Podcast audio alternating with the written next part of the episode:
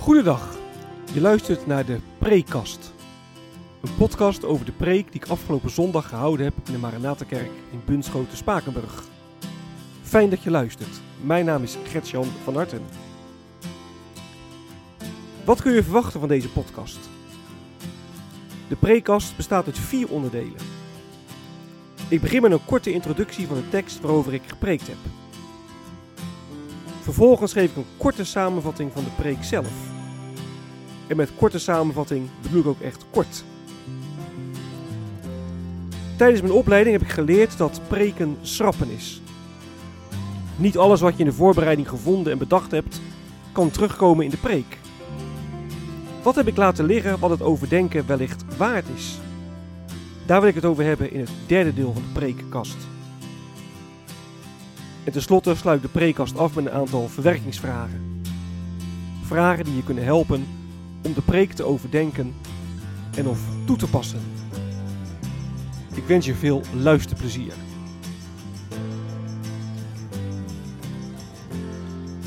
De tekst.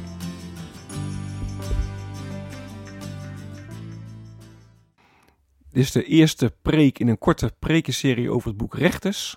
Een prekenserie die ik samen met mijn collega Jan Meijer hou. We willen in totaal vier rechters uh, bepreken. Ik begin vandaag met Otniel. Volgende week zal mijn collega over Ehud spreken. Weer een week later preekt hij over Abimelech. En ik hoop dan de prekenserie af te sluiten met een preek over Jefta. Vandaag uh, dus de eerste uh, preek in de serie over Otniel, de eerste rechter. Je kunt het lezen in, uh, in Rechters 3, vers 7 tot 11. Ook wel Richteren 3, vers 7 tot 11 genoemd. Ik merk bij mezelf ook dat het wel steeds een beetje uh, schipper is. Eén keer zeg ik rechters, andere zeg ik richteren. Maar goed, de nieuwe Bijbelvertaling zegt rechters. Rechters 3, vers 7 tot 11. En dan lezen we dat de Israëlieten deden wat slecht is in de ogen van de heren. En ze gingen afgoden dienen. Ze vergaten de heren hun God, staat er. En toen stuurde de heren als, uh, als straf koning Kusan Risataim, de koning van Aram, naar uh, zijn volk toe. En die waren acht jaar lang de baas in, uh, in Israël. En toen gingen de Israëlieten de Heer om hulp roepen. En toen stuurde de Heer Otniel. En Otniel die um, nou, werd gedreven door de geest van de Heer, staat er in vers 10 dan. Die trad op als rechter over Israël. Hè. Die was, was, een volksleider die de vijanden verjoeg. En die uh, als een soort ja, volksleider toen uh, het volk regeerde. Nou, 40 jaar lang had het land rust. En toen stierf Otniel. Dat is dan het laatste vers van het tekstgedeelte. De preek.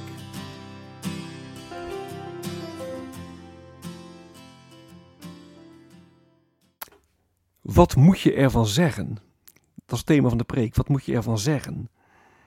Ja, als je het eerste vers van het tekstverhaal leest, hè, de Israëlieten deden wat slecht is in de ogen van de Heeren. Ze vergaten de Heer God en dienden de Baal, de Baals en de Ashera's. En dan denk je, ja, dit is eigenlijk een, een terugkerend refrein in het boek Rechters. En steeds weer lees je dat de Israëlieten de heren vergaten. En dat betekent niet dat ze ja, de heren niet meer herinnerden of dat de heren uit het collectieve geheugen verdwenen was of zo. Maar dat betekent dat de heren geen, geen rol meer in hun leven speelden. Ja, dat ze zich niet door hem lieten leiden, dat hij hun doen en laten niet, niet beheerste. Ja, en dat noemt de Bijbel slecht, slecht in de ogen van de heren. Dus slecht, dat is ja veel meer dan, dan wat wij slechtheid in, in, morele zin noemen. Dan denken wij aan, aan moordenaars en aan, aan verkrachters en oplichters. Die noemen we slecht. En terecht, want het is natuurlijk heel slecht.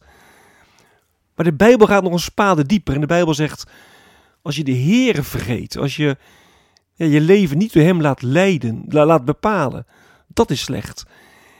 Kijk, en dan hebben we het niet, niet, opeens niet meer over de Israëlieten toen, in de tijd van het boek Rechters. Dan hebben we het niet over mensen die, die alles doen wat God verbiedt, maar dan hebben we het opeens over onszelf. Want hoe makkelijk vergeten wij de Heer niet? Dat we Hem niet op de eerste plaats zetten. En dat we ja, eigenlijk uh, als levensdoel hebben zo, zo, zo, zo makkelijk mogelijk en zo, zo geriefelijk mogelijk oud worden, zo prettig mogelijk oud worden. In plaats dat het doel van ons leven is, nou, steeds meer uh, de Heer gaan dienen, steeds meer aan Christus gelijkvormig worden. En als je dat doet, hè, als je steeds meer op Christus wil lijken, dan sta je echt anders in het leven. Dus echt uh, ja, belangrijk om je dat ook steeds weer af te vragen. Vergeet ik de Heer niet? Nou, de Heer die strafte de Israëlieten en de Arameërs die bezetten het land. En dan gaan de Israëlieten God om hulp roepen. Nou, het is steeds hetzelfde liedje. Hè? De Heer wordt aan de kant gezet. En als het dan fout gaat, dan mag hij terugkomen om te redden. En dat is wel een gevaar, hè? dat God, ik heb in de preek gezegd, ja, als een soort airbag gaat functioneren. En netjes weggewerkt, je hebt helemaal geen last van, je ziet het verder ook niet. Maar als je ergens tegenaan botst, ja, dan komt God als een airbag tevoorschijn om de klap op te vangen en om je te beschermen. Nou, de Heer die straft zijn volk. Later redt hij de Israëlieten weer. En dat is ook wel een vraag, hoe moet je dat nou zien? Is God nou een God die, die oordeelt? Of is God nou een God die redt? Nou, ik denk dat we erg moeten oppassen dat we Gods oordeel en Gods redding niet, niet tegen over elkaar uitspelen.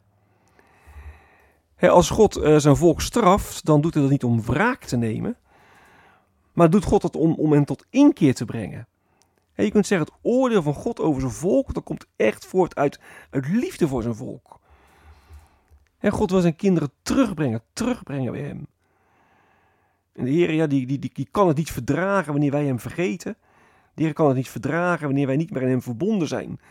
Dan wil hij echt dat we, dat we terugkeren naar hem. Hij wil echt, echt met ons verbonden zijn. Hij wil ons leven tot, tot bloei laten komen. Nou, we zien dat het initiatief van de redding volledig van de Heer uitgaat. Hè? Hij zendt Otniel. Otniel die, die staat niet op een ochtend wakker en denkt: hey, laat ik het volk eens gaan redden. Nee, hij wordt echt door de Heer gezonden. En we lezen ook dat de geest van de Heer hem, ja, hem, hem kracht gaf om het volk te bevrijden. Nou, als je heel het boek Rechters leest, hè, dan, dan, dan zie je dat er eigenlijk geen positief mensbeeld naar voren komt. Het steeds hetzelfde liedje. De mensen vergeten de Toch is het boek Rechters een boek vol hoop. Want het laat zien dat de Heer in zijn liefde en genade ja, ons, ons redden wil. Nou, zolang Otniel uh, leefde was er rust. Maar dan begint het weer van vooraf aan. In vers 12, direct volgend op ons uh, tekstgedeelte staat... Weer deden de Israëlieten wat slecht is in de ogen van de Heeren. Otniel die kon niet voor blijvende vrede zorgen. Je kunt ook zeggen, de, de macht van Otniel was beperkt. En voor blijvende vrede is er echt veel meer nodig. Namelijk een leider met onbeperkte macht. En dat is Jezus Christus. En Jezus heeft gedreven door Gods geest volmaakt geleefd. En Jezus die vergat zijn vader echt geen, nog, geen, nog, nog geen halve seconde. Hij was echt helemaal op God gericht. En Jezus heeft er met zijn dood en opstanding voor gezorgd. Ja, dat wij onlosmakelijk met God verbonden zijn. En zolang wij ons vertrouwen op Jezus Christus stellen, hoeven we ook helemaal niet bang te zijn als we merken ja, dat, we, dat we God weer vergeten. En dan mogen we echt geloven dat Jezus onze straf aan het kruis op Golgotha gedragen heeft. En dat de vloek die, die op ons had moeten komen, op zijn schouders terecht kwam. En dat mag echt enorm veel rust geven in ons leven. En gedreven door de geest van de Heer, ja, mogen wij leven in het licht van Gods liefde, het licht van Gods genade. En we mogen altijd weer terugkeren bij Jezus Christus en onze hoop op Hem vestigen en bij Hem rust vinden. Nou, vandaag hebben we gekeken naar het eerste, de eerste richter, naar Otniel. Wat moet je ervan zeggen? Nou, het is steeds hetzelfde liedje. De Heer mag het opknappen. En wonder boven wonder, hij doet het in Jezus Christus. Wat is blijven liggen?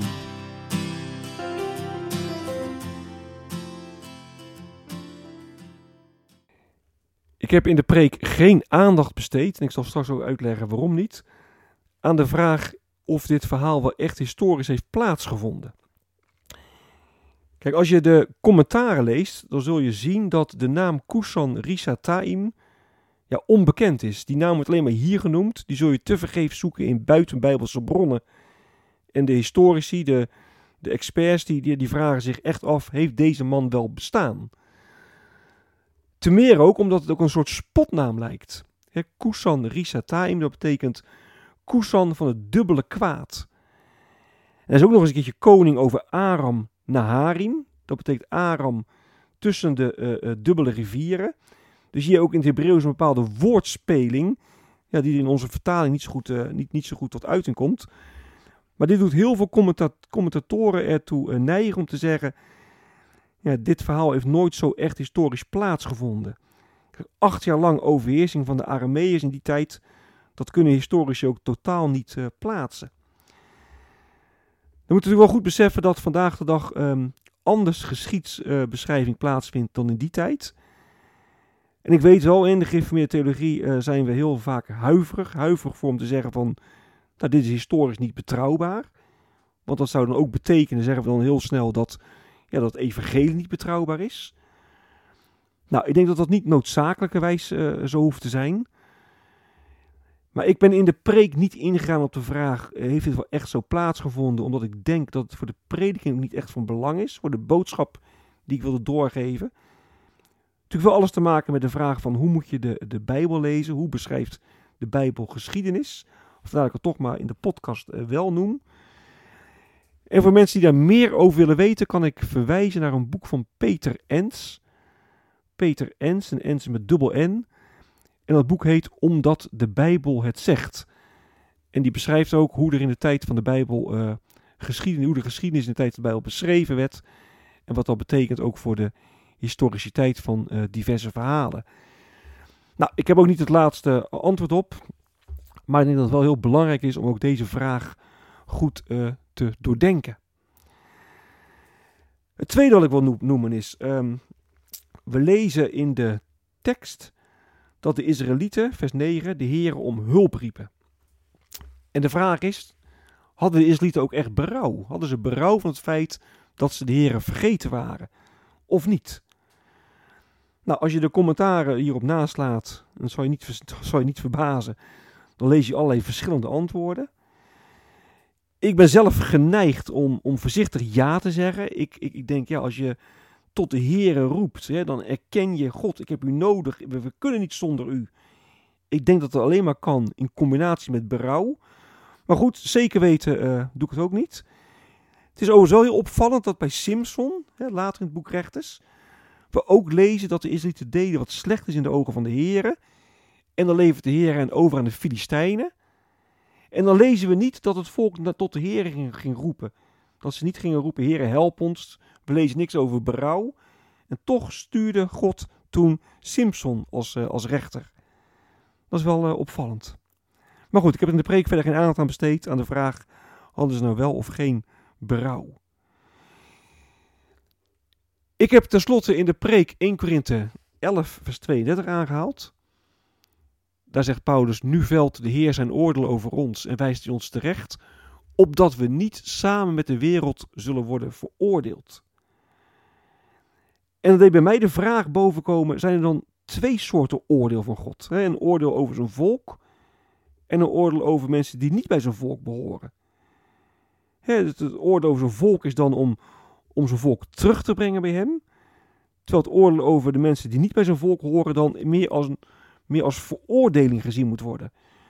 Of kun je dat niet, niet zo zeggen? Is ieder oordeel erop gericht om mensen bij de heren te krijgen? Of ja, is een oordeel veel meer een, een, een straf?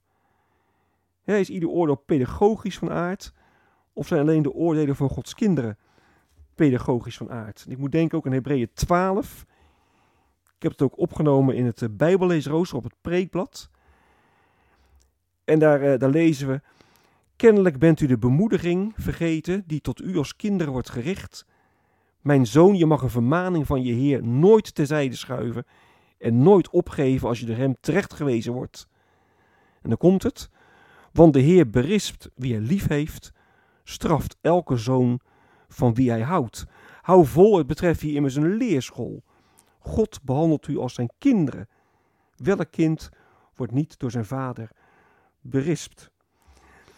Nou, ook hiervoor geldt weer, ik heb daar niet het laatste antwoord op, maar ik denk dat ook dit wel het doordenken waard is. Het oordeel van God. Is ieder oordeel van God een oordeel vanuit liefde om mensen bij hem te brengen? Of zijn er ook oordelen die echt, nou, veroordelingen zijn? verwerkingsvragen.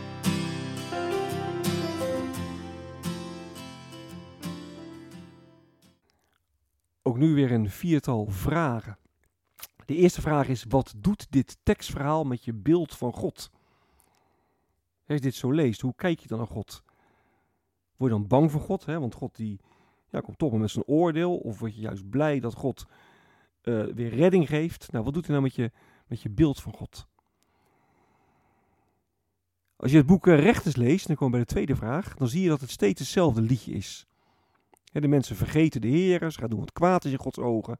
De Heer komt met zijn oordeel, de mensen roepen om hulp en God bevrijdt. Nou, word je daar niet moedeloos van dat je steeds weer hetzelfde liedje hebt? De derde vraag is, hoe kun je nou voorkomen dat je de Heer vergeet? je leest steeds in, in, in het boek Rechters dat ze de Heer vergaten.